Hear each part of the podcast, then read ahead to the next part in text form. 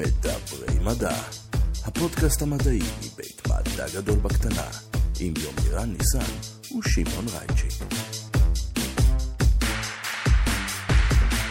ברוכים הבאים למדברים מדע, הפודקאסט הרשמי מבית מדע גדול בקטנה, אהלן יומירן ניסן. אהלן שמעון, מה קורה? יומירן, תבטיח לי שלעולם לא תזהה אותי בתור, אה, ידי, בתור אויב במערכת החיסונית שלך.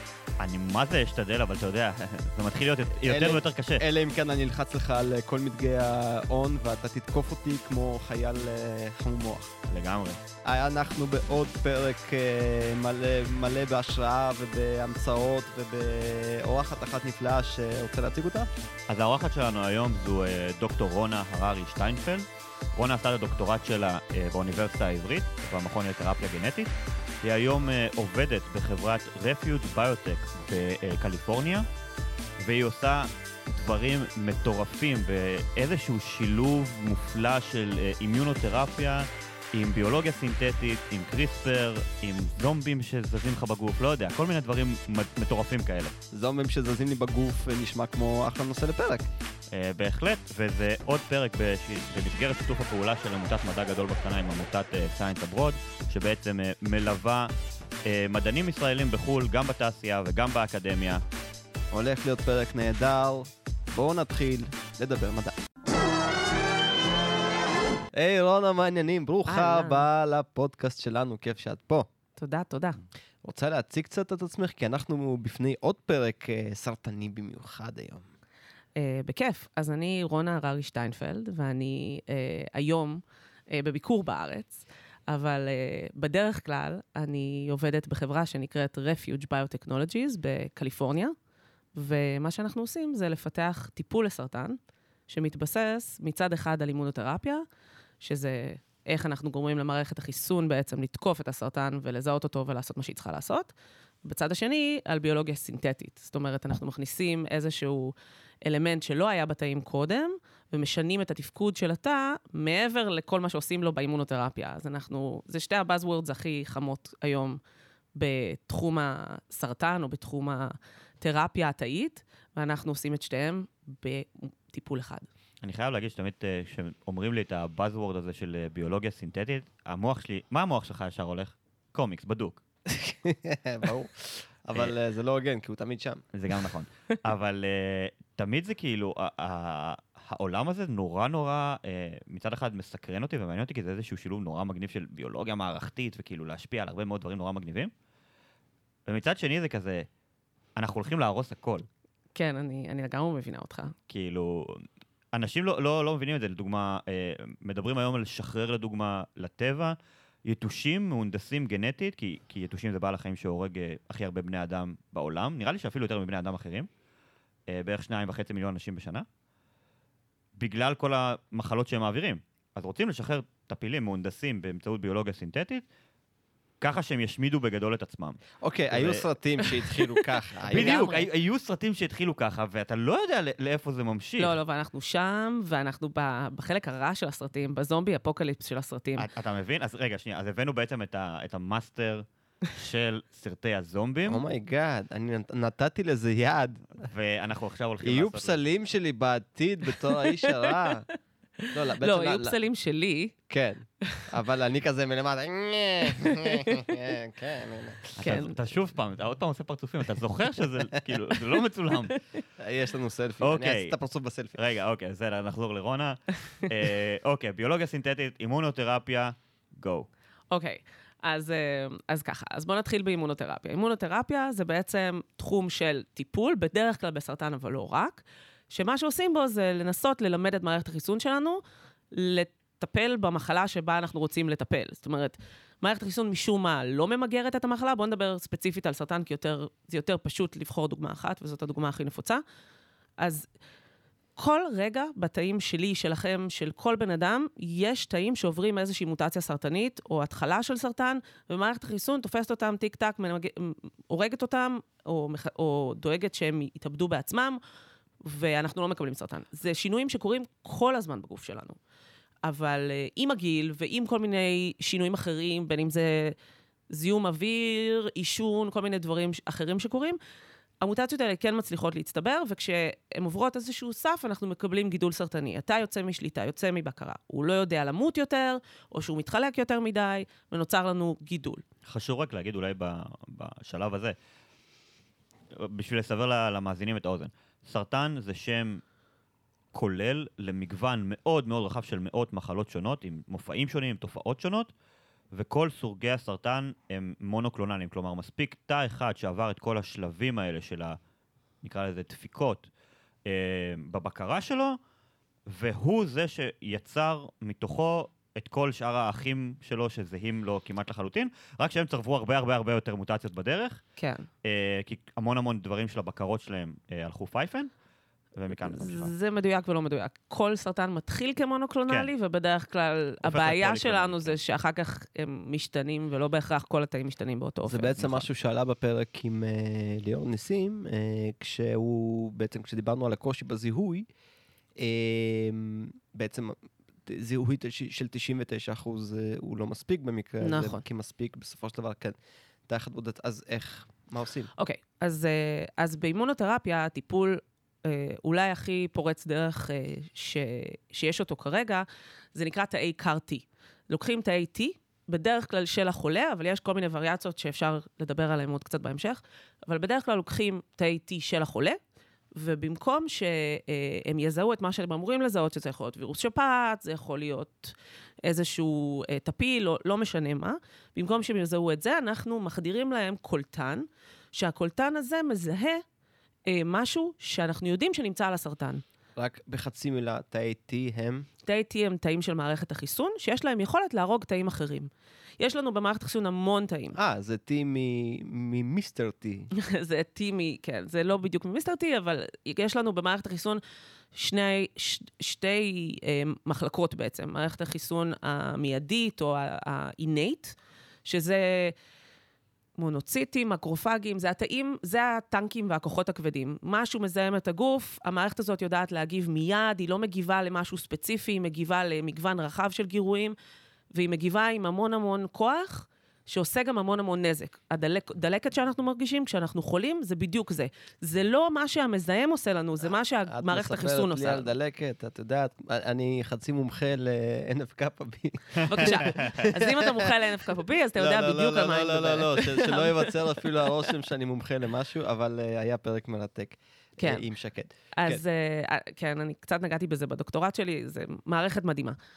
אבל המערכת הזאת היא פן אחד, ואז ש... אחד התפקידים שלה זה לעורר את המערכת האדפטיבית, שזה הסיירות מטכ"ל. זה המחסלים הספציפיים שיודעים לזהות רק את המזהם, לחסל או אותו באופן ישיר, או את התאים שהוא אה, אה, הדביק ושינה אותם, או, או עשה להם, וואטאבר, מה שזה לא יהיה.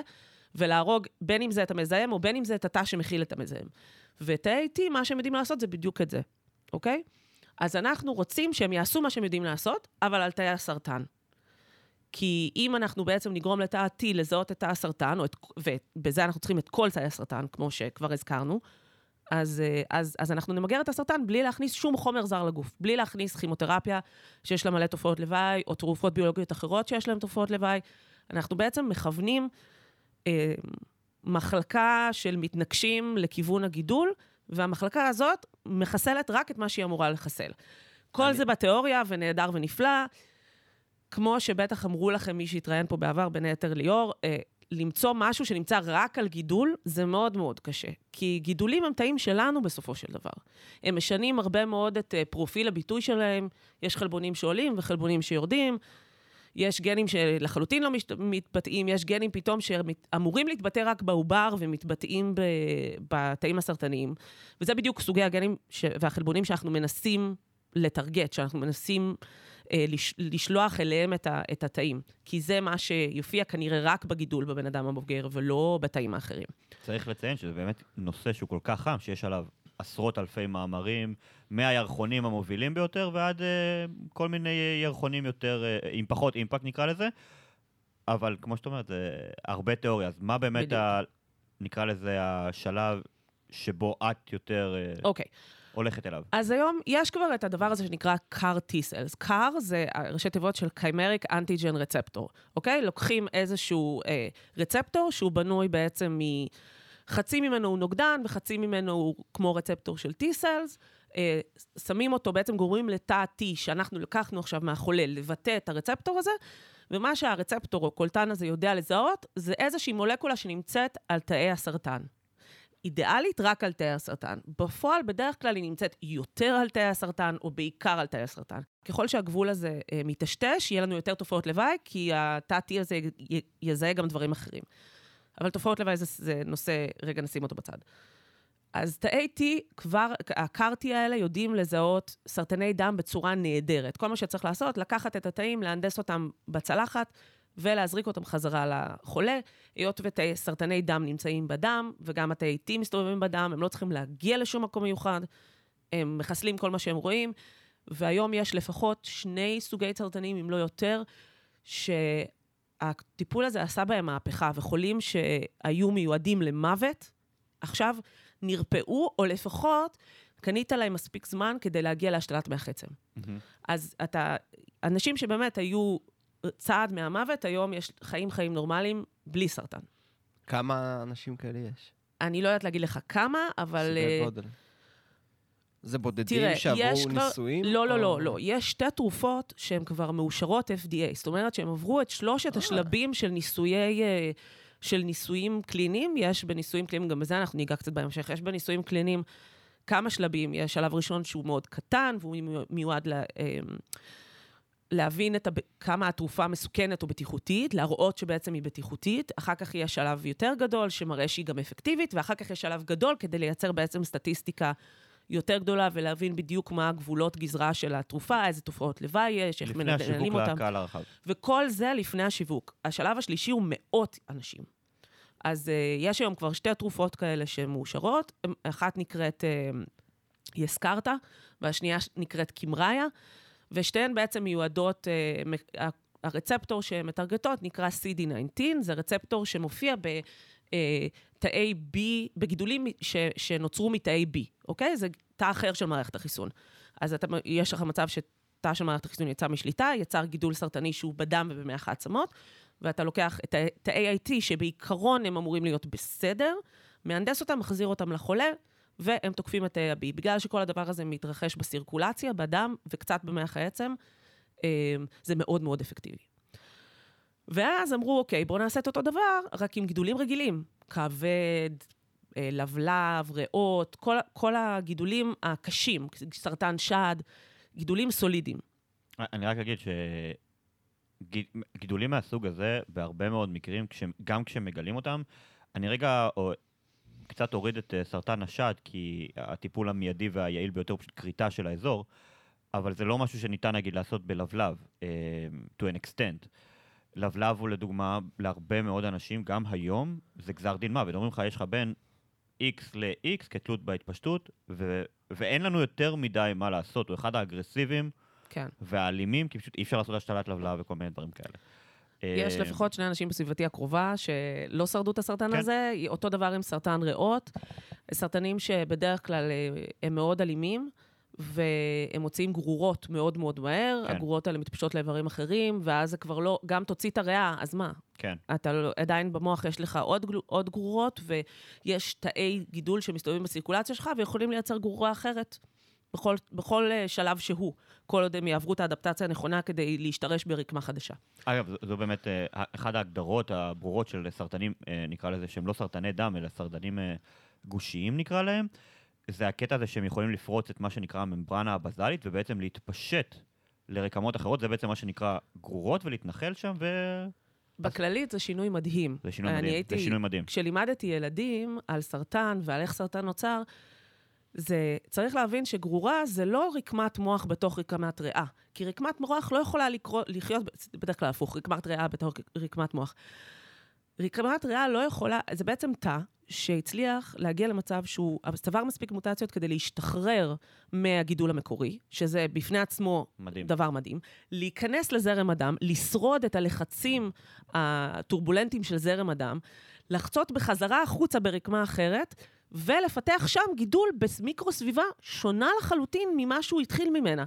זה איזה 200 שלבים של כאילו שינויים שתא אחד צריך לעבור. אז רגע, שאלה, האם, אה, זאת אומרת, מה יש באותם תאים אה, של גרורות שמאפשר להם לעשות את זה? או שכל תא עקרונית יכול... אה, תראה, הרי כל התאים בגוף שלך הם תאים, ש- הם זהים, יש להם את הפוטנציאל לבטא את כל, את כל, הרקמה, את כל הרקמות בגוף. וכשהסרטן, המאפיין מספר אחת שלו זה צבירת מוטציות ושינויים מהירים, אוקיי? ו- ואי יציבות גנטית. זאת אומרת, בעצם המוטציות האלה והשינויים האלה בבקרה של גנים, או בגנים עצמם, מאפשרת לתא להשתנות בצורה מאוד מאוד מהירה. חלק מזה זה שינוי רנדומלי לחלוטין, וחלק מזה זה מין מיקרו-אבולוציה כזאת שהתא הזה עובר, כדי להתאים יותר טוב ויותר טוב לסביבה שהוא נמצא. אז תדמיין לעצמך גידול שגדל והגיע עד לגבול של כלי דם, ועכשיו יש תאים בסביבת כלי הדם, ומתחילים להשתנות כדי שהם יוכלו להיות יותר ויותר קרובים לזה. עכשיו, זה לא כיווני, זה השינוי, כמו בכל האבולוציה, הוא רנדומי, כן. אבל יש תא אחד שהשתנה מספיק כדי עכשיו לחצות את הממברנה. ואז יש, ויכול להיות שהוא חצה ומיד מת, כי הוא לא בנוי לעמוד בזרם הדם. אבל מה שקורה זה שיש לך מספיק שינויים, יש לך כל כך הרבה שינויים שקורים בקומבינציה כזאת משוגעת, שאתה מגיע ל- ל- למצבים הפסיכיים האלה, שסרטן לבלב, אחרי שהוא עובר לכבד, שזה רקמה יחסית קרובה, הוא מגיע למוח. או מגיע לריאה, שזו רקמה שלא קשורה בשום דבר, לא במבנה שלה, לא במטאבוליזם שלה, בשום דבר. זה, זה כאילו כל כך מטורף, שזה כי... כל ה... אה, מי שאנחנו, כל הבן אדם שאנחנו, אנחנו מתחילים בעצם משלוש אה, שכבות נבט. והשכבות נבט האלה מאוד מאוד שונות, וככה הן מאפשרות את ההתמיינות הנורא מגניבה של הרקמות והאיברים שלנו.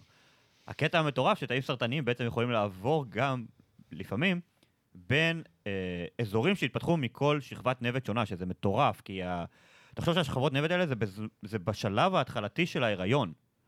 ואז כאילו, וזה משהו שנקבע לפני כל כך הרבה שנים, והסרטן יודע להתגבר על זה. יומירן, אתה מכיר אותי, אני בשלב הזה של הפרק אה, מתכווץ בכיסא. בוא, היה לנו- היה לנו המון דברים שליליים עד עכשיו. אוקיי, רגע, אנחנו נגיע, אנחנו אנחנו נגיע נגיע לחברים לדברים החיוביים. אנחנו נגיע לזה, אני מבטיחה. אבל, אבל כמו שאמרנו, אז אם אני חוזרת אחורה לטיפול, אז יש, כבר קיים קארטי, קיים ועובד מאוד, מאוד אפקטיבי בסרטני דם, ואז ניסו אותו בסרטנים מוצקים, וראו שזה לא עובד כל כך טוב. התאים לפעמים לא, סליחה, לא מגיעים בכלל לגידול. אמ, לפעמים הם מגיעים לגידול, ואז הם לא עושים כלום. זה הרבה מאוד מהמקרים. אמ, ולפעמים הם מגיעים לגידול ומתים. יש כל מיני, יש כל מיני אה, אה, אה, וריאציות לדבר הזה, וראו שזה לא עובד כל כך טוב. עכשיו, יש תחום מחקר מקביל באימונותרפיה, שמתעסק במשהו שנקרא checkpoint inhibitors, אה, שזה אה, לחקור את מערכת החיסון הרגילה בגוף בהקשר הסרטני. זאת אומרת, להסתכל, למה מערכת החיסון לא הורגת את הסרטן מלכתחילה? כי יש לנו תאים שיודעים לזהות מולקולות שנמצאות על הסרטן, ויש לנו תאים שיודעים לזהות תאים סרטניים ולחסל אותם. אז איך יכול להיות שמתפתח סרטן? למה זה קורה? והם ראו שכשהסרטן מש- משתנה מספיק, הוא בעצם מכבה את, הת... את התאים. לכל תא T בגוף שלנו, לכל תא של מערכת חיסון, יש on switch ויש גם off switch. בגלל שאנחנו לא רוצים שהמצב הדלקתי, המצב הפעיל של התאים יימשך לנצח. אנחנו רוצים שהוא יעשה מה שהוא יודע לעשות וילך ויכבה, אוקיי? ואנחנו גם לא רוצים שהוא יהרוג דברים שהוא לא אמור להרוג. זה גם מה ששקד אמרה לנו, שמה שחשוב במנגנון דלקת, והפעלה של מנגנון דלקת, זה תחום בזמן. בדיוק. כן. אתה לא רוצה, כי דלקת יכול להיות משהו מאוד מאוד הרסני לגוף שלך. אז בעצם כשהסרטן מספיק, אה, עבר מספיק שינויים, בעצם המערכת כבר אומרת, אוקיי, טוב, זה כבר לא שלי, אני אלך אז, לישון. אז, אז זה- לא קשור ללא שלי, דווקא המערכת מזהה מעולה דברים שהם לא שלי, אבל הסרטן פתאום מציף על פני השטח כל מיני מולקולות, אחת מהן זה דווקא המולקולות שאומרת, ש... אחת המולקולות שאומרת למערכת החיסון, תלכי לישון, תכבי, אה, לא צריך אותך פה, אין פה בעיה. ואז אתה רואה מצב, בלי, עכשיו אנחנו שמים כרגע בצד אימונותרפיה, בגידולים רגילים, אתה רואה מצב שבו יש גידולים שאין בהם בכלל תאי T. זה נקרא גידולים קרים, ולא בזה אנחנו עוסקים. אבל יש הרבה גידולים שאתה רואה שבפריפריה של הגידול יש המון תאים חיסוניים, אבל לא קורה כלום. אין דלקת, אין תגובה חיסונית, אין הרג של הגידול, אין כלום. ואז אתה אומר למה. ומצאו את המולקולות שעושות את הדברים האלה, וזה נקרא, אה, זה נקרא ה checkpoint של מערכת החיסון. ויש תחום שלהם באימונותרפיה, שזכו עליו בנובל אה, בשנה שעברה, שנקרא checkpoint inhibitors, מצאו חוס, חוסם של החוסם. אה, אה, בעצם המינוס והמינוס שווה פלוס. אם אתה חוסם את המולקולה המכבה, אז ה-T-cell שוב פעם יכול אה, לעשות את הפעולה שלו בלי הפרעה. והיום זה טיפול בפני עצמו, אם אתם מכירים את הטיפול Keytruda, ויש אחרים גם, שזה מה שהם עושים. אבל הם ניתנים בצורה סיסטמית, מזריקים נוגדן או איזושהי אה, אה, מולקולה כימית שחוסמת את, ה, את המולקולות האלה בכל הגוף, ויש לזה כל מיני אפקטים שהם מצוינים, והם גם שיפרו מלנומה בצורה נפלאה. חלק מסרטני הריאות מגיבים לזה בצורה נהדרת, אבל, אה, אבל יש לזה גם הרבה מאוד אה, אה, תופעות לוואי, בגלל שזה ניתן סיסטמית. כשאתה בעצם נותן תאי T שיש להם רצפטור ספציפי לסרטן, אם אתה יכול לגרום שהתאי T האלה לא יהיו רגישים למולקולות האלה, אז אתה יצרת סיירת מטכ"ל מוכוונת, שאין אף אחד שישים לה תמרור עצור. שיש לזה גם צדדים רעים, אבל הרבה פחות מלתת את ה... את ה להוריד את הברקס בכל הגוף. בכל הגוף, כן. אז זה מה שאנחנו מנסים לעשות. זאת אומרת, את הקארטי אנחנו לא המצאנו. זה, יש כמה ממציאים שהמציאו וריאציות של הדברים האלה, וזה קיים, עם כל מיני קולטנים לכל מיני סרטנים, ואנחנו אמרנו, בואו נעשה את התא הזה יותר טוב. מה זה אומר יותר טוב? אנחנו נגרום לו לא להרגיש את המולקולות המכבות. איך אנחנו נעשה את זה? כש... מה זה להרגיש? בתא יש קולטן, ויש, והקולטן הזה אה, נקשר למולקולה ש, אה, שאליה הוא מכוון, אוקיי? אז על תאי הגידול יש מולקולה, במקרה שלנו היא נקראת אה, PDL1. זה לא, זה לא קריטי, אתם צריכים לזכור את זה.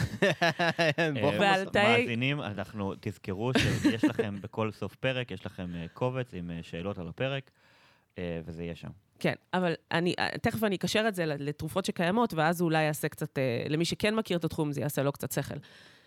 אז על התאים יש מולקולה שנקראת PDL1, שזאת המולקולה שמכבה את תאי ה-T. על תאי ה-T יש מולקולה שנקראת PD1, שזאת המולקולה שמזהה אותה. אם לא יהיה על תאי ה-T PD1, לא, גם אם תשים אלף עותקים של PDL1, לא יקרה כלום לתעתי, הוא לא ירגיש את ה-off switch והוא ימשיך לפעול. ברגע שהוא יזהה את, ה- את הרצפטור שהוא מכוון אליו, הוא יפעל כי לא יהיה מה שיכבה אותו, אוקיי? ואנחנו אמרנו, אנחנו לא רוצים לתת את החוסם הזה של ה-PD1 או של ה-PDL1, קיטרודה שהזכרתי קודם היא נוגדן נגד PD1, נגד מה שעל התאי T.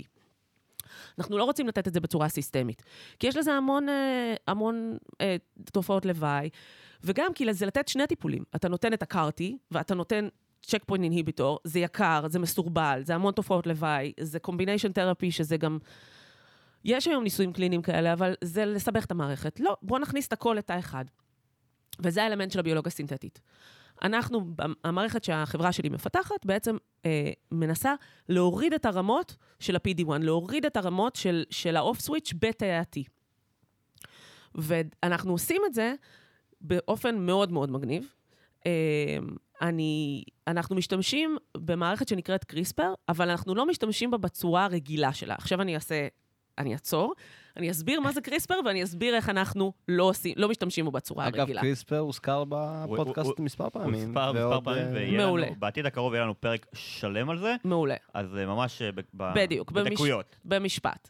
אז קריספר זה מערכת שיודעת לחתוך DNA, אה, ובעצם לעשות שבר דו-גדילי ב-DNA, ובזה לעשות איזושהי, איזושהי מוטציה, שאפשר לעשות עם זה המון המון דברים, והיא יודעת לעשות את זה איפה שנגיד לה. זאת אומרת, היא לא עושה את זה בצורה רנדומלית, אנחנו מכניסים איזושהי אה, מולקולת RNA שנקראת סינגל גייד RNA, והיא מכוונת את המערכת של קריספר לחתוך את ה-DNA רק איפה שאנחנו נגיד לו, עם מעט מאוד, אה, אם בכלל, חיתוכים מסביב שעושים בעיות, אוקיי? אממה, אני לא רוצה לחתוך שום דבר בתאים. אני לא רוצה לשנות אותם גנטית. אני לא רוצה להתעסק איתם. זה זומבי אפוקליפס, ואני לא רוצה לעשות את זה. רגע, מה- רגע, רגע, למה את לא רוצה לעשות את זה?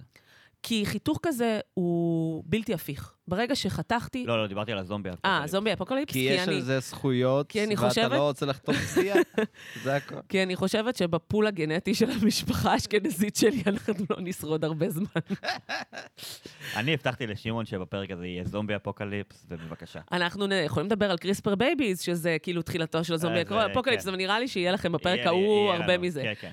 אה, אוקיי, אז עכשיו אני אסביר מה אנחנו עושים. אז אנחנו יודעים כבר שקריספר יכול להיות מוכוון ל-DNA בנקודה שאנחנו רוצים, והוא יודע לחתוך. אבל מה יקרה אם אני אוריד לו את הפונקציה של החיתוך? אני לא רוצה שהוא יחתוך שום דבר. וזה בדיוק מה שעשה החוקר, שבעצם אחד ה-co-founders של החברה, אה, הוא בזמן שהוא היה בפוסט-דוקטורט שלו בברקלי, אה, אצל מי שגילתה את הקריספר, גלה, ראה ש... וואי, וואי, וואי, איזה, איזה בלאגן אה, משפטי עשית לנו פה. כן, אה, כן, לא, לא, לא. זאת ש... כן, סליחה, זאת שגילתה את הקריספר בחיידקים. מי שעשה את זה בתאים אה, אנ- אנימליים, תאים ממליים, זה מישהו אחר, ויש שם קרב משפטי זכויות מטורף. משוגע. אנחנו, אנחנו, כשנגיע לפרק על קריספר, אנחנו רק נגיד ש... רגע, אני רק רוצה להבין, קריספר זאת מערכת, אה, כלומר, משהו שבני אדם בנו, או שזה לא, לא. מנגנון לא, ש... אוקיי. אה, כן ולא. כן ולא. אוקיי, אני רק אגיד, אה, באמת, כי, כי זה חשוב לנקודה, אה, קריספר זו סוג של, נקרא לזה, מערכת החיסון של חלק ממיני החיידקים. אנחנו בעצם למדנו לקחת אותם, אותם מהם, להשתיל אותה בגדול במה שנרצה, ליטרלי במה שנרצה, וזה מאפשר לנו, לנו אה, על בסיס העקרונות של המדע הבסיסי של המערכת חיסון הזו, לעשות אה, הנדסה גנטית. אז זאת אומרת, גם, כלומר, זו טכנולוגיה שיש בבסיסה גם תגלית מאוד גדולה, בוודאי, הבנתי. ויש זה קרב משפטי אפליקציה של על, אה, טכנולוגיה קיימת. כן, ויותר, והקטע, והקטע המגניב ב, ב, בנקודה הזו, זה שכמו שרונה ציינה,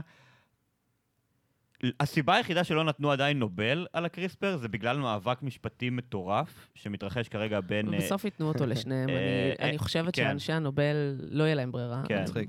אז יש כרגע מאבק משפטי אדיר בין אה, MIT והרווארד מול ברקלי על הזכויות לפטנט הזה, כי זה זכויות ששוות עשרות מיליארדי דולרים. כן. אוקיי, רגע, אז עד שאני כבר כאילו מבין פחות או יותר, אז אתם לא רוצים אה, לא רוצים את לחתוך. החיתוך עצמו, לא רוצים אתם לחתוך. רוצים אבל רק את אנחנו ה... רוצים את הזימון. להשתמש, בואו נכ... נשתמש באנלוגיה של GPS, אוקיי? יש לנו פה עכשיו איזשהו חלבון שאנחנו בעזרת מולקולה מאוד פשוטה, יודעים לכוון אותו ל- ליעד שאנחנו נרצה. מה הוא יעשה שם? הוא יכול לחתוך, אבל אם נדפוק לו את החלק שחותך, אז הוא לא יחתוך, הוא יעשה משהו אחר. הדבר הכי בסיסי שהוא יודע לעשות זה לשבת שם. אנחנו בעצם נכוון אותו לאן שאנחנו רוצים, והוא יישב שם. אם במקרה יש שם רצף בקרה של גן, אז הוא לא ייתן לגן הזה להתבטא באותו, באופן הרגיל שהוא מתבטא. כי הוא יושב שם והוא מפריע, הוא פיזית מפריע למולקולות שאחראיות לבטא את הגן הזה, אוקיי? זה ברמה הכי בסיסית. עכשיו, על זה עשו 200 אלף וריאציות, שאחד מהם אנחנו עשינו, אבל, אה, זאת אומרת, החוקר ש, שבעצם יצר את זה, ובעקבותיו הוקמה החברה. אה, וזה, אנחנו אמרנו, אה, מולקולות הבקרה שמבטאות ומכבות גנים, יש להם אלמנטים חלבונים שאנחנו מכירים אותם. בואו נדביק אלמנט כזה על הקריספר, ואז אנחנו מקבלים GPS שמכוון את, ה, אה, את כל המערכת הזאת לנקודה ב-DNA. אם אנחנו נחבר אה, אה, פונקציה של בקרה שמכבה גנים, אז אנחנו נכבה גנים. אם אנחנו נשים פונקציית בקרה שמפעילה גנים, אז אנחנו נפעיל גנים. ובעצם יש לי עכשיו את המערכת on-off switch הכי מדויקת, שכרגע קיימת בתחום הגנטיקה אה, המולקולרית, זאת אומרת, ההנדסה הגנטית. כן. אני יכולה היום לכבות ולהדליק כל גן שאני רוצה, בעזרת ה-GPS של הקריספר, פלוס איזשהו פיוז'ן לחלק חלבוני מחלבון אחר. עכשיו, הנדסה גנטית של חלבונים זה משהו שקיים מלא זמן. מדביקים... אני רק רוצה להבין, גן זה ברמה של מולקולות בתוך DNA. בוא, כן, בוא, בוא נפשט, אוקיי? לא, רק רציתי להבין פשוט כן, כן, כן, לא, בוא נפשט, כן. בוא ניתן את הדוגמה של מה שאנחנו עושים, אוקיי? בתוך התאי T יש את הגן של PD1. אנחנו לא רוצים שהוא יתבטא, או בטח שלא יתבטא ברמה הגבוהה שלו. כי אז תא ה-T הולך, ברגע שהוא חש את ה-counterpart שלו, את ה-PDL1, כן. לילה טוב. לילה טוב, התא ה-T לא עושה כלום, לא הורג שום, אה, את, התא, את התאים שהוא צריך, גם אם, יש עליהם את מה שהוא מזהה. What do we say to killing cancer? Not today. Not today. בדיוק. אז אנחנו רוצים today. כן. אה, אז, אז אנחנו אמרנו, במקום לנסות לטרגט את ה-PDL1 על תאי הגידול, שאז יש לך בעיה שלמה של דליברי, ובמקום לחתוך את הגן של ה-PD1 באופן בלתי הפיך, ואז יש בעיה של בט- בטיחות של התאים האלה, כי אין להם ברקס אף פעם. אה, בואו נעשה מערכת שבה אנחנו יודעים להוריד את הרמה של ה-PD1 באמצעות הקריספר הזה. זאת אומרת, ועכשיו אני, אני אנסה להסביר את כל המערכת, מהרגע שהיא מזהה את ה... אה, את ה את הקול, את, הקולטן מזהה את המולקולה על גבי הסרטן, ועד מה, שקורה, מה שהתתי עושה. אז בתיאוריה, מה שקורה זה ככה. הקולטן של הקארטי מזהה את המולקולה שהוא רוצה לזהות, אוקיי? במקרה של החברה שלי, כרגע אנחנו עוברים על הר, עובדים על הר 2. זה המולקולה שגם הרצפטין אה, מטרגטת אותה, זו מולקולה מאוד נפוצה בסרטנים, בעיקר בסרטני שד, אבל גם בסרטני רחם, שחלות, אה, ריאות, היא קיימת בהמון המון אה, סרטנים. יש לה בעיות משל עצמה, אבל נשים את זה רגע בצד. אני רק אה, רוצה, אה, זה, בהקשר, אם אתם זוכרים שדיברתי על אה, אה, תאי נבט, אז סרטנים לרוב, כשמדברים על גרורות, אוהבים לנדוד פחות או יותר למקומות קבועים. זאת אומרת, סרטן השד אוהב לנדוד לשחלות ולרחם ולריאות, ולפעמים למוח. כן. אה, סרטן אה, אה, המעי- אוהב לנדוד לכבד, ואוהב לנדוד, ל, אה, אם אני זוכר נכון, ללב. ול... יש, יש כוונה זה hot בגלל ספוטים. הסירקולציה, או אה, בגלל בגלל התאים האופי, עצמם? בגלל האופי של התאים עצמם ושל המוטציות שהם עוברים, יש, אה, מהמם. אתה יודע בסבירות מאוד מאוד גבוהה, אה, שאם הסרטן הזה שולח גרורות, לאיזה איברים נמצאים בסיכון הגבוה ביותר להישלח, שהגרורות ישלחו אליהם. כן. אוקיי, כן. אוקיי, אז אנחנו, אז, אז כדי להסביר שוב פעם את, את התהליך שהתאים שלנו עושים, אז תא T, הוא יודע לזהות, המולקולה שאותה הוא מזהה, זה HER2. HER2 נמצא, בוא נגיד, על תאי סרטן השד. הוא, מרא, הוא רואה גידול של סרטן שד, הוא מגיע אליו, הוא יגיע אליו רנדומלית דרך הסירקולציה. אה, או לא רנדומלית, זה תחום אחר לגמרי שאנחנו לא נספיק להגיע אליו היום. אה, אז הוא, ואז הוא מופעל. עכשיו, אם על התא על, על תא הסרטן הזה יש גם PDL1, ה-PD1, שעל תאי ה-T, שזה מולקולה אחרת, אחרת מהקולטן, רואה אותו ונכבה. אבל במערכת שלנו, ההפעלה של הרצפטור גורמת לשרשרת אירועים שאני אה, ברמה המולקולרית לא ניכנס אליה כי, כי זה ייקח יותר מדי זמן, אה, גורמת לשרשרת של, של אירועים שהתוצאה הגנטית שלה זה ירידה ברמה של PD1. זאת אומרת, ברגע שה, אה, שהקולטן מזהה את המולקולה שאותה הוא אמור לזהות, אנחנו לא רק מפעילים את ה-T, אנחנו עושים סופר T. כי זה T שלא נחבא, או כי- צריך הרבה יותר בשביל לכבות אותו. תהיה על סטרואידים. בדיוק. ואז, גם אם יש שם את המולקולה המכבה ב-100 עותקים, באלף עותקים, בלא יודעת כמה עותקים, הוא לא ילך לישון, הוא יעשה מה שהוא צריך, הוא יפריש את מה שהוא אמור להפריש, והוא יהרוג את תא הגידול. ואז הוא יעבור לתא גידול שלידו, ויהרוג גם אותו. כי תא T1 לא הורג תא אחד ומת. הוא יכול להרוג באופן uh, סדרתי כמה וכמה וכמה תאים. הוא גם יודע להתרבות, וכשהוא מתרבה, הוא לוקח איתו את כל מה שמהונדס אליו, אה, אה, אה, בתוכו. לא רק זה, הוא גם קורא לחברים שלו. והוא קורא לחברים שלו, והוא קורא, ו- ומתפתחת שם תגובה שלמה, שבעצם בסופו של דבר אמורה לחסל את הגידול. אמורה לחסל כל תא שיש לו את הקולטן הזה.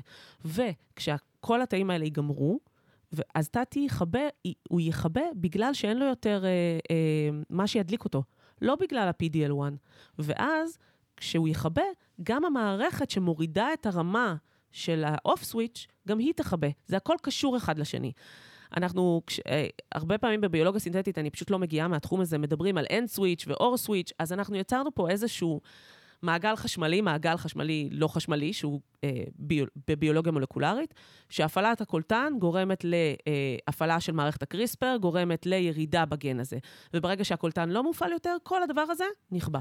זה נשמע אה, אה, יותר אולי מהתחום שלך, שמעון, ותדייק אותי אם אני טועה, יותר כמו איזשהו אה, אה, לולאה שעובדת, עובדת, עובדת, עובדת, חוזרת על עצמה, חוזרת על עצמה, עד שנגמר לה אה, האינפוט, בדיוק. נכון? ואז כאילו היא פשוט אין לה על מה לרוץ, היא עושה ברייק ויוצאת החוצה. בדיוק היום הסברתי לולאות לתלמידים, אז... אה, תשמע, לא היית רחוק, אבל אה, כן. חבר'ה, אני- לא הייתי רחוק במשהו של תכנות. בזמן שאתה, בזמן שאתה מנסה למצוא אנלוגיות אה, מעורפלות לתכנות, אני מנסה להבין את רצף האירועים. אז, אז רצף האירועים הוא כזה.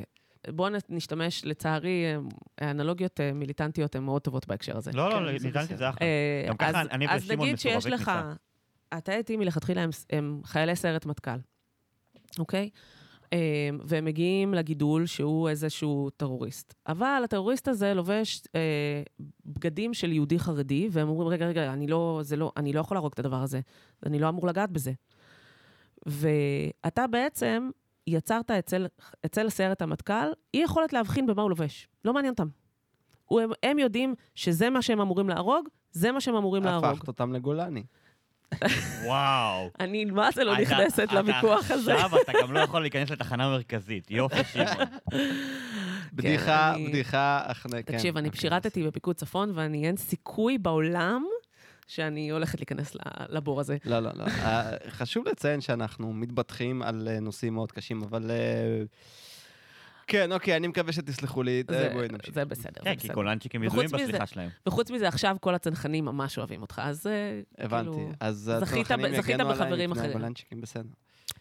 אז זהו, אז זה מה שאתה זה אמור לעשות. עכשיו, בשביל לגרום לתא לעשות אותו, יש פה חתיכת רצף של דברים שצריך ל- להכניס לתא T המסכן הזה אחרי שלקחת אותו מהבן אדם. וזה החלק, ה- החלק שאנחנו עובדים עליו. זאת אומרת, את המערכת המציא מישהו באקדמיה, ואת המערכת של הקארטי המציא מישהו אחד, או כמה מישואים, את המערכת של הקריספר והשימוש שלו באופן הזה המציא מישהו אחר, ואותו מישהו, אה, אם, את מי שזה מעניין, אה, זה פרופסור שנקרא סטנלי צ'י, והיום הוא עובד בסטנפורד. הוא המציא אותה אפילו בהקשר הזה של הרצפטור, רק שהוא לא הסתכל על תאי T, הוא הסתכל על תאים אחרים. לקשור את ההפעלה של הרצפטור לכל ההפעלה של הקריספר ולרגולציה על גנים. שזה מה שהתאים שלנו עושים בדרך כלל. לוקחים איזשהו סיגנל חיצוני, מתרגמים אותו דרך כל מיני שלבים לסיגנל של עלייה וירידה של גנים. רק שהוא לקח את זה עכשיו והפך את זה לביולוגיה סינתטית, למשהו שאנחנו יודעים לשלוט בו, לתכנת אותו אה, בכלים די פשוטים. אז, אה, אז זה הטיפול שהחברה שלי מפתחת. עכשיו, יש לטיפול הזה כל מיני וריאציות, כי אפשר לשחק עם כל הקומפוננטות במערכת. אה, כמו במעגל חשמלי או כמו בלולאה בתכנות, אתה יכול להוציא קומפוננטה אחת, להחליף אותה באחרת, ועכשיו המעגל עושה משהו אחר. אז אנחנו גם יכולים לעשות את זה, אבל חייבים, וכאן אנחנו נכנסים לעניין של תעשייה מול אקדמיה, אנחנו חייבים לבחור משהו כדי להראות שהדבר הזה עובד, יעיל ושווה אה, לפתח אותו כטיפול. מבחינה כלכלית, אני מתכוון. מבחינה כלכלית ומבחינת אה, נטל ההוכחה. אני לא יכולה לקחת מערכת מורכבת, למשל במערכת שלנו אנחנו יכולים לעשות משהו שנקרא מולטיפלקסינג, לשחק עם כמה גנים במקביל. אני לא אעשה את זה בתור הדבר הראשון שאני אתקוף, כן. כי נטל ההוכחה על בטיחות ועל על אפק... סליחה, על אפקטיביות שידרש ממני, ותופעות לוואי, אני מניח. ותופע... כל הדבר הזה, הוא יהיה עצום. כל העניין הזה של הקריספר, במיוחד בווריאציה הזאת של בקרה על גנים ולא, אה, ולא הנדסה של גנים וחיתוך, לא נעשה מעולם בבני אדם. מעולם. ואנחנו רוצים להיות הראשונים שיכניסו את המערכת הזאת לבני אדם. אנחנו נבחר את הדבר הכי פשוט, הכי ליניארי, הכי אה, קל לשליטה, שזה לא קל לשליטה בכלל, אבל ברור. ננסה לפשט את זה בצורה הכי, הכי, שהכי, הכי שאפשר, אה, מבלי לאבד את האפקטיביות, כדי להראות, א', שזה בטוח, וב', שזה עובד. אה, אז למרות שהפוטנציאל של המערכת הוא עצום, אנחנו היינו צריכים לבחור מסלול אחד שבו אנחנו, מת, שבו אנחנו אה, מתמקדים, וזה השלב שבעצם החברה שלנו עברה מחברה של discovery, של innovation, ל-development. וזה השלב שגם אני עברתי משלב של discovery לשלב של, innovation, לשלב של uh, development. ובעצם עברתי מתפקיד שעוד לא דיברנו בכלל איך, כאילו, איך הגעתי נכון, אליו, נגיע כי זה היה נו, סוג אה, של serendipity. אנחנו רק בשני שליש פרק, אולי הגיע הזמן להציג את ה... כן, תכף אנחנו, תכף נחזור לזה. בעצם אנחנו צריכים להראות שהמערכת הזו עובדת בבני אדם, בלי לסבך יותר מדי. בגלל שכל דבר חדש שלא לא הוכנס אף פעם לתאים אנושיים ולבני אדם כטיפול, צריך להוכיח שהוא בטוח, ואחרי שמוכיחים שהוא בטוח, צריך להוכיח שהוא עובד. אז זה בעצם, אנחנו מדברים על ניסוי ראשון בבני אדם. כן, עוד לא עשינו. עוד בוא, לא בוא, עשיתם. בוא, זהו. אז אנחנו, זהו, דיברנו, מה שדיברנו קודם זה שעברנו מ-innovation ל-development. אז היינו צריכים לבחור מוצר אחד, שיהיה מוצר הדגל, שהוא יהיה ה, ה, ה, מה שיראה שהדבר הזה, המערכת הזאת בטוחה, בטוחה לשימוש בבני אדם, ושהיא גם אפקטיבית. עכשיו, זה הצ... איזה צעדים יש לפני שמנסים משהו על בני אדם? או מיליון. אה, קודם כל, אנחנו צריכים, אנחנו עכשיו בעצם בשלב של pre-clinical development, אוקיי? אה, לפני ניסויים קליניים. בחרת את המערכת שאיתה אתה רוצה לעבוד, עשית את התגליות שהיית צריך לעשות, יש לך מערכת שעובדת, ועכשיו אתה צריך להפוך אותה למשהו שחקרת אותו עד רמה שאתה יודע איך הוא מתפקד בכל מיני מצבים, שאתה מכיר כל אלמנט ב... שאתה מכניס בצורה אינטימית. צריך לשכנע הרבה מאוד אנשים סקפטיים אה. שזה דבר טוב. אז יש פה שני, יש פה שני כוחות שהם לרוב עובדים יחד, אבל לפעמים הם מתנגשים. כחברה, אנחנו צריכים לשכנע משקיעים שמה שאנחנו עושים, יש לו פוטנציאל רווחי, פורץ דרך, אה, ו- ושיש סיבה לפ- לפתח כזאת תרופה. כן. ויש את הכוח של הרשות הרגולטורית, בארצות הברית זה ה-FDA, והיא מובילה את כל העולם, אה, שאותה אתה צריך לשכנע שהדבר הזה בטוח. קודם כל בטוח. הם רוצים לדעת שאתה לא תזריק את התאים האלה לבן אדם, והבן אדם למחרת ימות מדום לב.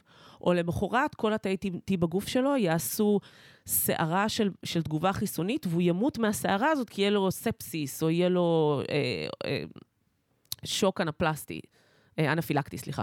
הוא, הוא צריך, אנחנו צריכים להוכיח ל-FDA אה, ולשאר העולם, שמה שאנחנו עושים, האינוביישן הזה, הוא בטוח לשימוש בבני אדם. ועושים את זה, בהתחלה עוברים בחיות. והבעיה היא שלרוב, תרופ, לתרופות הכימיות, בדרך כלל אתה נדרש לעשות לפחות שני מודלים בשני סוגי חיות שונים, לרוב זה יהיה איזשהו מכרסם קטן, עכבר, חולדה וכולי. אחר כך תעבור לחיות יותר גדולות, ולפעמים אתה אפילו צריך לעבור לפרימטים, זה תלוי במודל. אני רק אגיד שבהקשר הזה, אה, יש היום, דבר ראשון, אנחנו נעשה פרק על ניסויים ואתיקה בבעלי חיים, וזה יהיה באמת פרק הרבה יותר מקיף. אני רק אגיד שפרימטים היום משתדלים מאוד, מאוד, מאוד, מאוד, מאוד, שלא לעשות בהם נכון. ניסויים מהסוג הזה. מה שעדיין אין לנו ברירה ואנחנו נאלצים, זה כל מיני פיתוחים ותרופות שקשורות למוח ומערכת העצבים, פשוט כי הם הכי קרובים אלינו ואין לנו עדיין תחרות מספיק טובה, אין לנו תחליף עדיין מספיק טוב.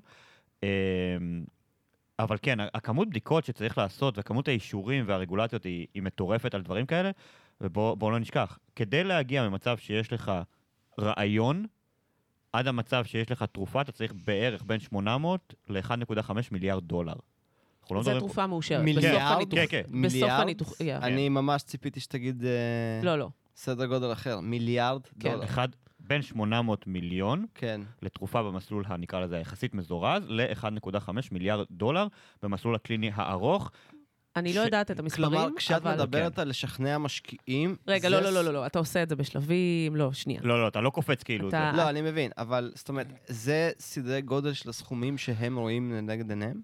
לא, כי הם לא מחויבים להשקיע בכל השלבים של החברה. נכון. הם, הם, אתה עושה אה, גיוסים, שוב, אני לא מהצד העסקי של החברה, אבל אני יכולה להגיד לכם מה אני חוויתי, ועבדתי בחברה אחת עד היום. אבל זה די סטנדרטי, לפחות בארצות הברית. שוב, אני לא יודעת איך זה עובד בארץ.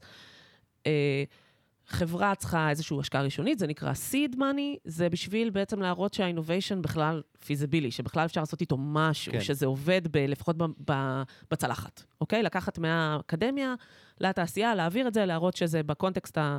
זה, זה, זה עובד. ואחר כך יש אה, גיוסי כספים בס- בסבבים, שכל סבב הוא גדול יותר, אבל בכל סבב אתה גם אה, מראה יותר דאטה, אתה מראה, יש לך כבר יותר תוצאות. אז בהתחלה יש לך תוצאות אין ויטרו, בצלחת. אחר כך יש לך תוצאות ראשונות בעכברים. אחר כך יש לך תוצאות של יותר מחקרים בעכברים, שגם מראים בטיחות וגם מראים אפקטיביות. אה, או יותר, או יותר מודלים, או משהו כזה, או כבר... רגע, אני רוצה לחזור לדבר על איפה אתם, כי פשוט עניין אותי, אז- לא כזה עניין אותי לדבר על משקיעים, פשוט ברור. הסכום מאוד מאוד הפתיע אותי. אז אנחנו נמצאים עכשיו בשלב שהחברה שלי כבר עברה שני סבבי גיוס, מגייס, מגייסת את הסבב השלישי. וכל זה לפני שהכנסנו את התרופה לחולה אחד, שרוב הכסף זה אחרי הח- שמכניסים לחולה, כי טיפול כמו שלנו, הייצור שלו הוא מאוד מאוד יקר. בניגוד לתרופה כימית, שאתה מייצר ממנה 500 קילו, מחלק את זה לקפסולות, ואז יש לך תרופות מעכשיו עד קיבינימט, סליחה. אה, אז אה, בחברה כמו שלנו, זה ייצור, זה בעצם אה, רפואה מותאמת אישית. אתה צריך את החולה, אתה לוקח את התאים שלו, אתה עושה את כל העבודה במעבדה על התאים של החולה. אתה צריך לעשות ריצוף, כאילו, סנגר או ריצוף עמוק לא, ל-DNA? ש- לא, אתה לא עושה שום ריצוף ל-DNA. אה, לא, אתה לא מרצף לא. כאילו כדי לבדוק שה-SGRNA מכוון? כי את כל הפיתוח הזה אתה עושה מראש. אוקיי. זאת אומרת, אוקיי, בוא, בוא, SGRA? אה, אוקיי, אה, בוא נחזור אחורה, אה, שנייה. אה, התחלתם פה שיחה. כן, כן, כן. אה. יומירן פה קפץ מעל הפופיק של... אה, של כולם. של כולם, כן. אה, אז כחלק מ- מפיתוח המערכת, יש פיתוח פלטפורמה, ואז יש פיתוח של מוצר. פיתוח הפלטפורמה אומר, אני עכשיו מוצא את הקומפוננטות הכי טובות שעובדות ביחד, אוקיי? אז יש לי את הקריספר ואת החלבונים שהדבקנו לו כדי שהוא יפעיל או יכבה גנים, במקרה של המוצר שבחרנו יכבה, ואנחנו בדקנו כמה כאלה וכמה חיבורים, וזה עובד, אוקיי? ואז אנחנו רוצים לה, לה, אה, להוריד גן ספציפי. אני, התפקיד הראשון שלי בחברה, הייתי אחראית על הסריקות של ה-guide RNAs, של ה-RNAים שמכוונים את קריספר לגן, אוקיי? וסרקנו בהתחלה 200 לכל גן. ועשינו כמה גנים גם כדי להראות שזה עובד על יותר מגן אחד. אה, אז בהתחלה התחלנו עם 200, אחר כך נהיינו חכמים, ויש לנו ביואינפורמטיקאי שפיתח לנו אלגוריתם, שעוזר לנו לפתח את ה-guide RNAs יותר, כי זה לא אותו דבר כמו בחיתוך, אנחנו לא מטרגטים את אותם אזורים, זה קצת יותר מוגבל. וזה היה התפקיד שלי, למצוא את ה-guide RNA הכי טוב, לעשות סדרה של ניסויים, שבעצם לסרוק המון המון המון המון מולקולות, ולראות מה גורם לירידה הכי, הכי גדולה, בצורה הכי אפקטיבית, בגן שבחרנו. ומצאנו אותו, מצאנו אחד. כאילו מצאנו הרבה יותר מאחד, אבל אחד שבחרנו להמשיך איתו. והשלב הבא, שאגב, עשינו אותו, אבל עדיין יש לנו עוד נטל הוכחה, בגלל שה-FDA רוצה הרבה יותר, זה להראות שהוא לא עושה אה, פעולות בגנים אחרים. להראות שהוא פועל רק איפה שהוא צריך לפעול. שאין לו side effect. בדיוק, שאין לו... off target יותר נכון. off target effect, בדיוק. אז זה, וזה כל זה בשלב של הפיתוח של הפלטפורמה, וצריך גם לבחור את ה CAR-T הנכון. עכשיו, אנחנו לא מעוניינים להמציא את ה CAR-T, אנחנו לא חברה שבודקת אה, איזה CAR-T עובד הכי טוב. לא. בחרנו דברים שכבר אופיינו בעבר על ידי חברות אחרות. אה, רכשנו או נרכוש את ה license ל CAR-T שאותו בחרנו כדי להשתמש בו במוצר שלנו. אנחנו, אין לנו עניין לפתח אה, רצפטור חדש.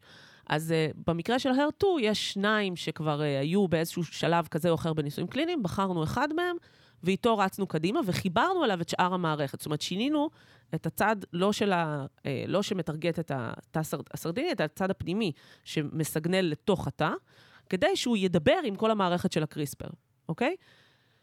עשינו את כל זה והראינו שזה עובד. ועכשיו צריך לקחת את זה ולהפוך את זה למוצר שאני יכולה לייצר אותו בסקייל של חולה, כי עד עכשיו לקחתי מיליון תאים ועשיתי אותם לעשרה מיליון תאים. אבל כשיהיה לי חולה, אני צריכה לקחת ביליון תאים, זאת אומרת מיליארד, אה, להוציא מהם רק את התאים שאני רוצה, ולהפוך את מה שנשאר לי לפי 50 או פי 100 עדיין, זאת אומרת, להגדיל את הסקאלה של הייצור בהרבה, ועדיין לשמור על איזושהי יעילות מינימלית, כדי שבסוף יהיה לי תרופה בכמות שאני צריכה. זה סוג אחד של מה שנקרא process development. אני צריכה לעשות scaling up של כל התהליך שעשיתי קודם בצלחת.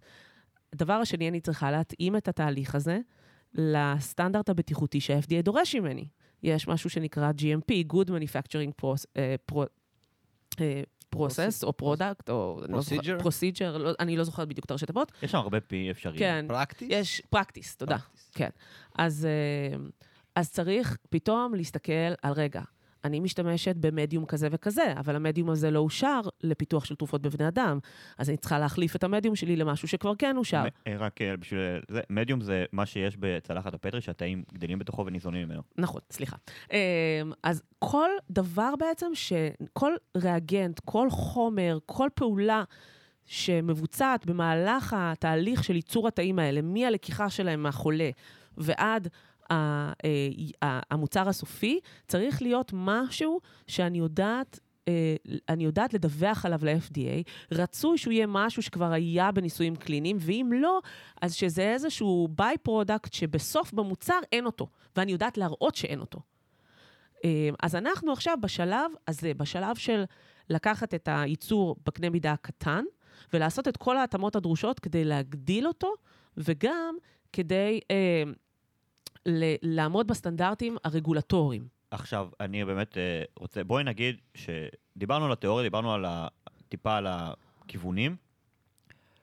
בסופו של יום אמור להיות איזשהו רופא או איזשהו מישהו באיזשהו בית חולים בעולם, נכון. שאמור לקחת את המוצר שלכם, ועל פי החשיבה שלכם, מה הוא או היא אמורים לעשות, אה, מ- כי זה לא נשמע, זה נשמע כאילו זה דורש הרבה מאו- מעבר לידע שיש לרופא או ללבורנט ברור. הרגיל. זה דורש ממש כאילו איזשהו ביולוג מולקולרי שיבוא, ידע את, את כל הפרוטוקול, יעשה אותו בדיוק הכי מקסימלי שאפשר, ואז ייכנס איכשהו לחולה. אוקיי, אז הרופא לא עושה את זה. ב, זהו, ברור. הרופא לא עושה את זה, אתה כן נכנס לניסוי קליני עם, קלין, עם, עם אה, מה שנקרא clinical partner. אתה לא יכול להיכנס לניסוי קליני אם אין לך פרטנר אה, רפואי שמוכן לעשות את הניסוי הזה, שיש לו את כל הבדיקות שצריך כדי לעקוב אחרי החולים וכולי. מה שהרופא, עכשיו, ואז בתחום הזה של סל תרפי, שאנחנו לוקחים תאים, מהנדסים אותם וזה, כל ה-manufacturing, כל הייצור של התרופה הוא שונה לגמרי מפרמצבטיקה, לגמרי. ובעצם זה אחד האתגרים שהוא הכי גדול בתחום הזה. כי אם לוקחים את קייט פארמה או את נוברטיס, הם, שהם ייצרו את התרופות הראשונות המאושרות בתחום הזה, הם הקימו מרכזי ייצור משל עצמם, כי לא היה מי שייצר את זה. במדינות שונות הכוונה? אה, ב- הם בדרך כלל הקימו מרכזים, זאת אומרת, מה שקרה זה שבבית החולים אה, עשו, אה, לקחו מהחולה תרומת, אה, זה לא בדיוק דם, איזו תרומה שהיא עשירה בבתי חיסון, אבל הוציאו ממנו את ה... את ה- מהטחול בטח? לא, זה נקרא אפרזיס, okay. אוקיי. זה עושים, זה קצת דומה לתרומת מהחצם, רק שמעשירים לו במקום בתאי, בתאים כאילו צעירים, מעשירים בתאי חיסון את הסירקולציה, ואז מוציאים, ו, ו, אמ, וגם המערכת מסננת חלק מהתאים, זה, זה פשוט סוג אחר של תרומת דם. אמ, את התאים האלה בעצם העבירו בשקיות, כן קפואות, לא קפואות, תלוי איזה מרחק ואיזה דרך הם היו צריכים לעשות, אה, למרכז הייצור, ואז הייצור נעשה על ידי אנשים של, של החברה, הבנתי. לא הרופאים.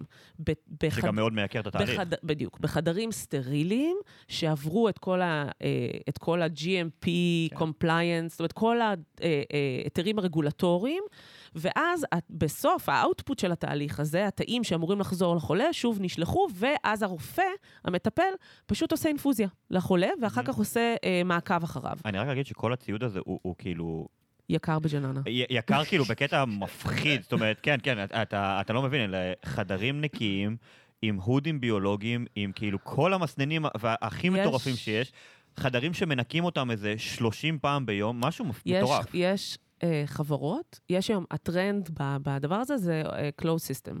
זה לייצר מצב שבמקום לייצר את התאים האלה בצלחות, שאתה כל פעם פותח ומעביר, ואז החדר חייב להיות סופר סטרילי, שכל הייצור נעשה במערכת אחת סגורה. בסוג של ביו-ריאקטורים כאלה, נכון? בדיוק, זה סוג של ביו-ריאקטורים, שזה עובר מתא אחד לתא אחר, ובתא אחד אתה מכניס את הווירוסים שעוד לא דיברנו תגידו, עליהם, אפשר- אפשר לעשות את זה במעבדה על שבב, מה שדיברנו עם אה, ויטל? בקנה מידה מאוד מאוד קטן. כן, ואולי, ואולי בעתיד המאוד מאוד רחוק, אה, מה שדיברנו עם ולרי, כן. ולרי, לא ויטל, כן. כמובן. אה, מעבדה על שבב זה דבר סופר מגניב, אבל אה, הוא יותר משמש אותנו, אני, אני הייתי עכשיו בכנס ודיברו בין היתר על a chip בכל מיני הקשרים, כי כמות הבדיקות שאנחנו צריכים לעשות במהלך תהליך הייצור כדי לוודא שכל דבר הוא בסדר ושלא ניש... לא הפכנו עכשיו את ה-T בעצמו לסרטני, שלא שינינו משהו שלא תכננו לשנות. רגע, אז, אבל, אני, אבל אני רוצה רגע לחזור לפני שאנחנו... כן. כאילו, אם נקפוץ למעבדה שבב לא נצא. לא, לא, לא, ברור. אה, אנחנו, אוקיי, אנחנו בשלב הזה שיש איזשהו מרכז שמייצר, ואז כן. כאילו זה נשלח ואת זה מכניסים לחולה. את זה מכניסים לחולה, ומאותו רגע זה טיפול כמו כל אה, טיפול אחר. מהמם. אמ, אבל כל הלופ הזה הוא יקר, הוא כאב ראש זמן. לוגיסטי, הוא לוקח זמן. יש משהו שנקרא release testing, אוקיי? שאלה הבדיקות שאני צריכה לעשות על המוצר, כל מוצר, אה, בשביל לשחרר אותו לטיפול רפואי.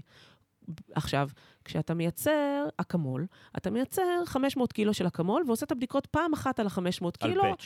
על באץ', והן מייצגות את כל הבאץ'. ופה אין דבר כזה. אין באץ'. דבר כזה, כל חולה הוא באץ' בפני עצמו. אני צריכה לעשות, עכשיו, הגענו למצב אבסורדי, שבו תהליך הייצור בהתחלה לקח כמעט חודש, שלושה שבועות, ואז אחרי זה היה עוד קרוב לשלושה שבועות של בדיקות.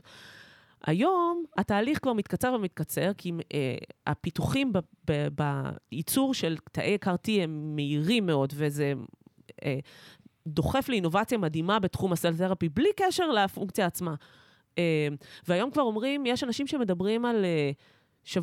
הסטנדרט זה שבוע, תשעה ימים לייצור, אבל עדיין כמעט שלושה שבועות, בין שבועיים לשלושה. שבועות ל- לבדיקות האלה, וזה אבסורד. החולה, שהוא באמת במצב בדרך כלל קטסטרופלי, כבר הצלחנו לייעל את הייצור, ואנחנו עדיין צריכים לחכות עד שנקבל את האישורים כדי להזריק לו את זה בחזרה. והוא מחכה בזמן הזה, וזה ברמה שחולים מתים.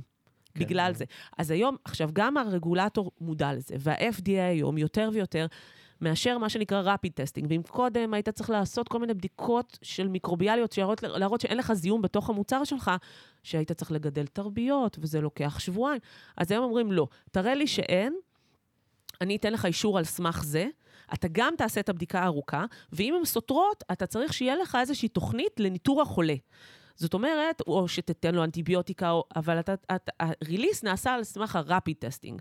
וזה טרנד שהולך ומתגבר, וככה אנחנו צריכים לצמצם את הריליס. עכשיו, כל הדבר הזה, אני עוד לא, המוצר שלנו עוד לא נכנס לחולה אחד, כן. אבל אנחנו עכשיו בשלב שאנחנו מתכננים את כל הדברים האלה.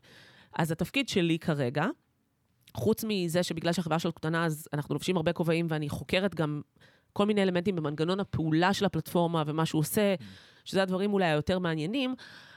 החלק המרכזי בתפקיד שלי זה אה, לפתח את השיטות האנליטיות שדרושות כדי להראות אה, שמה שאנחנו אומרים שאנחנו רואים, אנחנו באמת רואים. זאת אומרת, יש איזשהו, שזה משהו כמו 20 בדיקות או 20 פרמטרים שאני צריכה להראות, ש... או במהלך התהליך או בסוף התהליך, שעומדים באיזשהו קריטריון, ואני צריכה לפתח את השיטות או להחליט על השיטות עבור כל אחד מאלה, באיזה בדיקה אני אשתמש. עכשיו, באיזה בדיקה אני אשתמש, זה, חלק מהם זה קל מאוד, כי אני לוקחת מה שאחרים עושים, אבל במקרה שלי, אני מכניסה עכשיו אלמנטים של בקרה גנטית, אף אחד לא עשה את זה אף פעם. אני מפתחת שיטות מאפס. ואני לא רק מפתחת אותן, הן גם צריכות לעמוד בקריטריונים של איזשהו... אה, של איזושהי אה, בטיחות סטטיסטית, זאת אומרת, אה, אתה צריך להראות p-values, אתה צריך להראות אה, כמה זה קונסיסטנטי, אתה צריך להראות שכשאתה מקבל תשובה שהיא 2, אז היא 2 והיא לא 4. ואם תעשה את זה חמש פעמים, אתה עדיין תקבל משהו שהוא 2 פלוס מינוס 10 אחוז.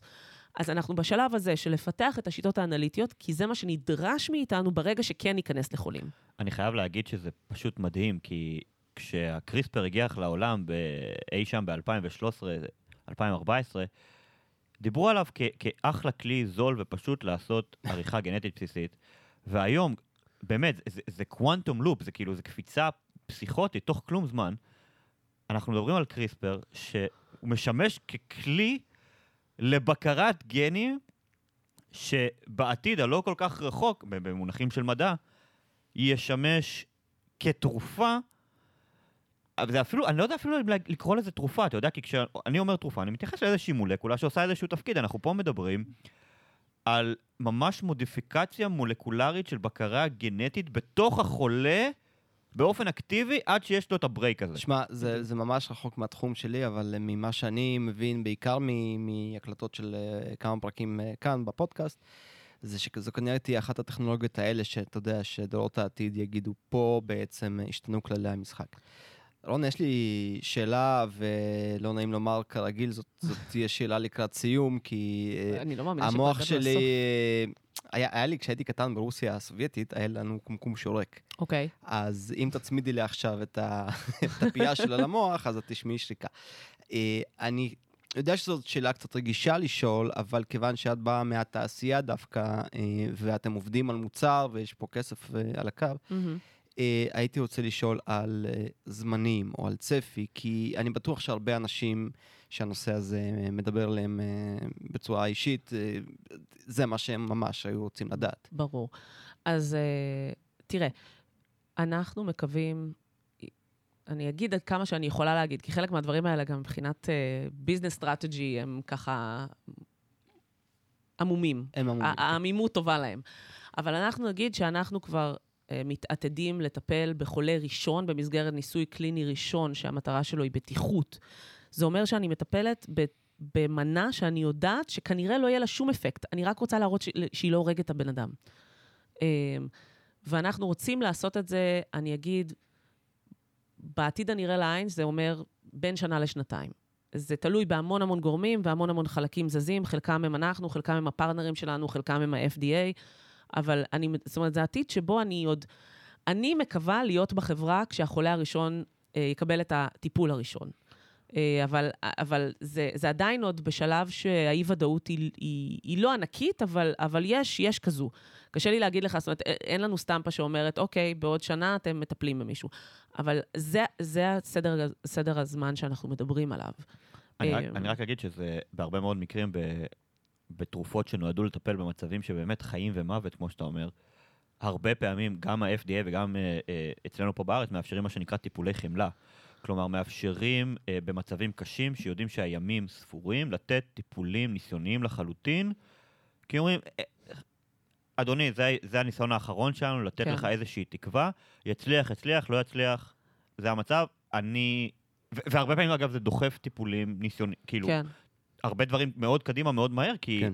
פתאום בן אדם מבריא לך עם משהו שחשבו שהוא סופני. כן. אה, הלוואי, כן? כן, אה, הלוואי. וזה באמת משהו שהוא אה, בפוטנציאל מאוד יפה. יש לי שאלה שהיא טיפה אחרת. אוקיי. אה, אני עכשיו באקדמיה כבר לא מעט שנים, את עברת מסלול מאוד אה, דומה לשלי, של דוקטורט והכל. מהמם. מה, מה בעצם דחף אותך לעשות את השינוי המאוד מאוד דרסטי הזה של, אני אקרא לזה כאילו, אה, מה שנתפס בציבור כהטובים מול כוחות הרשע, שזה כאילו... כן, ה- לגמרי. האקדמיה וה... ה-. ש- שמדענים באקדמיה הרי נחשבים ב- בטופ של האמינות החברתית.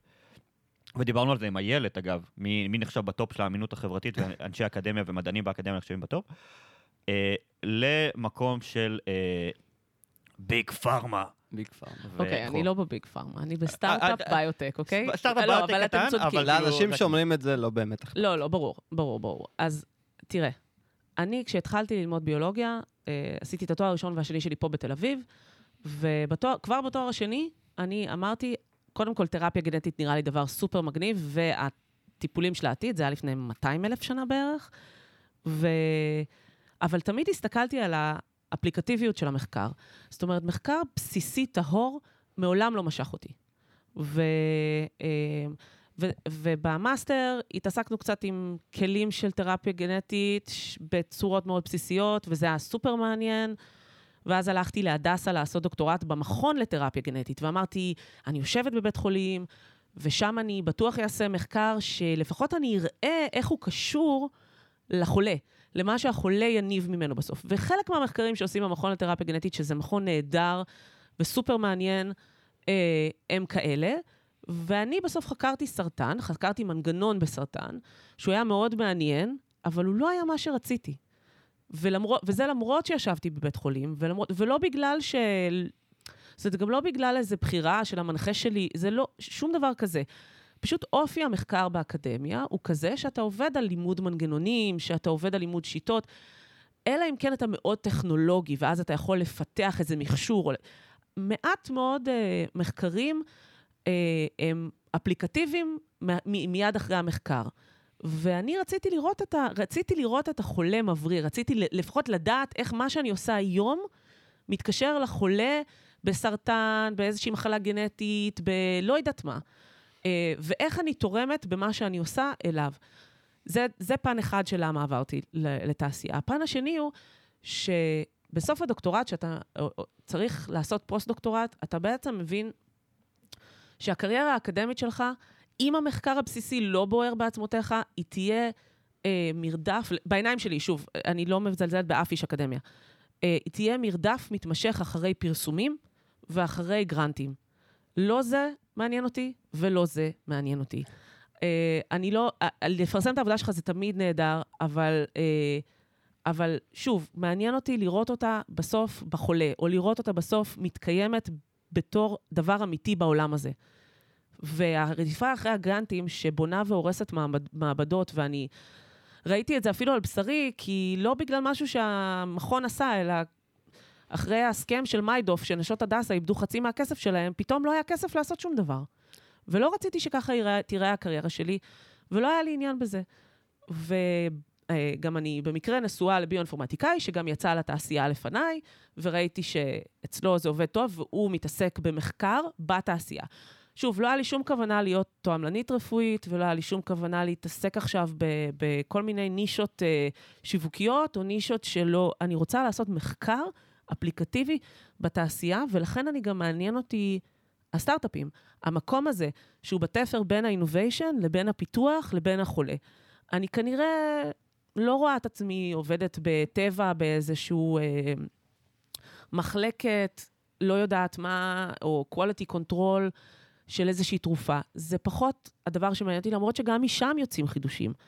מעניין אותי לקחת טכנולוגיה, לקחת מחקר מדהים שפיתחו אותו איפשהו, ולהפוך אותו למשהו שתורם באופן ישיר למישהו. והצלחתי באמת, stroke of luck, להגיע לחברה שהגעתי. אתם יודעים, אני חושב שהדבר שאני לוקח איתי מהפרק הזה זה, אה, זאת אומרת, אה, כמו שהזכרת את הביג פארמה מקודם, אה, בתור עומד בראש עמותה שנמצאת תחת מתקפה מתמדת שביג פארמה הם, הם האויב. אם יש לכם, למאזינים הכוונה, חברים ש... בין אם זה מתנגדי חיסונים או, או כל בן אדם אחר עם ראש קונספירטיבי, פשוט תשמיעו להם את הפרק הזה, תבינו כמה קשה, כמה מסובך, כמה עבודה קשה יש בתוך כל תרופה וכל אפליקציה רפואית, כמה מסובך היה להגיע לפיתוחים האלה, כמה רצון טוב ואיזה אנשים מצוינים נמצאים הרבה פעמים בתחומים האלה, כמו רונה, שנגיד לך תודה רבה שהגעת וריתקת אותנו אה, מההתחלה ועד הסוף. אה, וואו, נאחל לך המון בהצלחה, אני חושב. כאילו, אין לי הרבה מה להוסיף, נכון, אמירן? כי... אה, בהחלט, ובאמת תודה רבה שהגעת בכיף. אלינו בביקור הבזק שלך אה, כאן אה, בארצנו. אה, כן, אנחנו עדיין בתקופת החגים, אתם כן. שומעים את זה בעתיד, אני לא יודע מתי תשמעו את הפרק הזה, אבל אבל כן, עשינו... כל האורחים מחו"ל אה, עשינו פה בליץ. עשינו פה בליץ מטורף, והוא לא נגמר אגב, יש לנו לא עוד. כאילו, כן. עוד אה, נוספים, אבל אה, כן, אנחנו באמת עשינו פה איזה בליץ מטורף של הקלטות אה, ביום שישי בשמונה לפנות בוקר, אז אה, אה, משהו כן. פסיכי. עוד המון תוכן מדהים לפנינו. אני רוצה רק משפט אחרון, ואני. רוצה להגיד שאומנם אני עכשיו בארצות הברית, אבל הרעיון הוא לא להישאר שם לנצח. ההזדמנויות כרגע עבורי היו שם, אבל אני חושבת שבישראל, אה, כמו שיש start-up nation של הייטק, יש לנו את אותן מוחות בביוטק, ולסטארט-אפים של ביוטק זה כר דשא פורה ומדהים, ואני רואה את עצמי פה בהמשך, ואני חושבת שיש פה הזדמנויות שהולכות ומתגבשות. אני, ככל שאני יותר שם, אני יותר שומעת על הזדמנויות פה, וזה מדהים. אני רק- אני רק אגיד שיש לא מעט אה, חברות ביוטק מדהימות בארץ שעושות עבודה פסיכית, ואנחנו בהחלט נביא אה, חוקרים גם משם. אז למה אתם מחכים? זה התחום הבא שלכם. תודה רבה שהאזנתם לנו, תודה רבה לך, אמירן. תודה שוב, שמעון. תודה רונה שהשתקת אותנו למשך, למשך שעה. אה, כרגיל, אתם מוזמנים להשאיר לנו את דעתכם, את הבקשות שלכם, את המחשבות שלכם בעמוד הפייסבוק שלנו, מדברים מדע.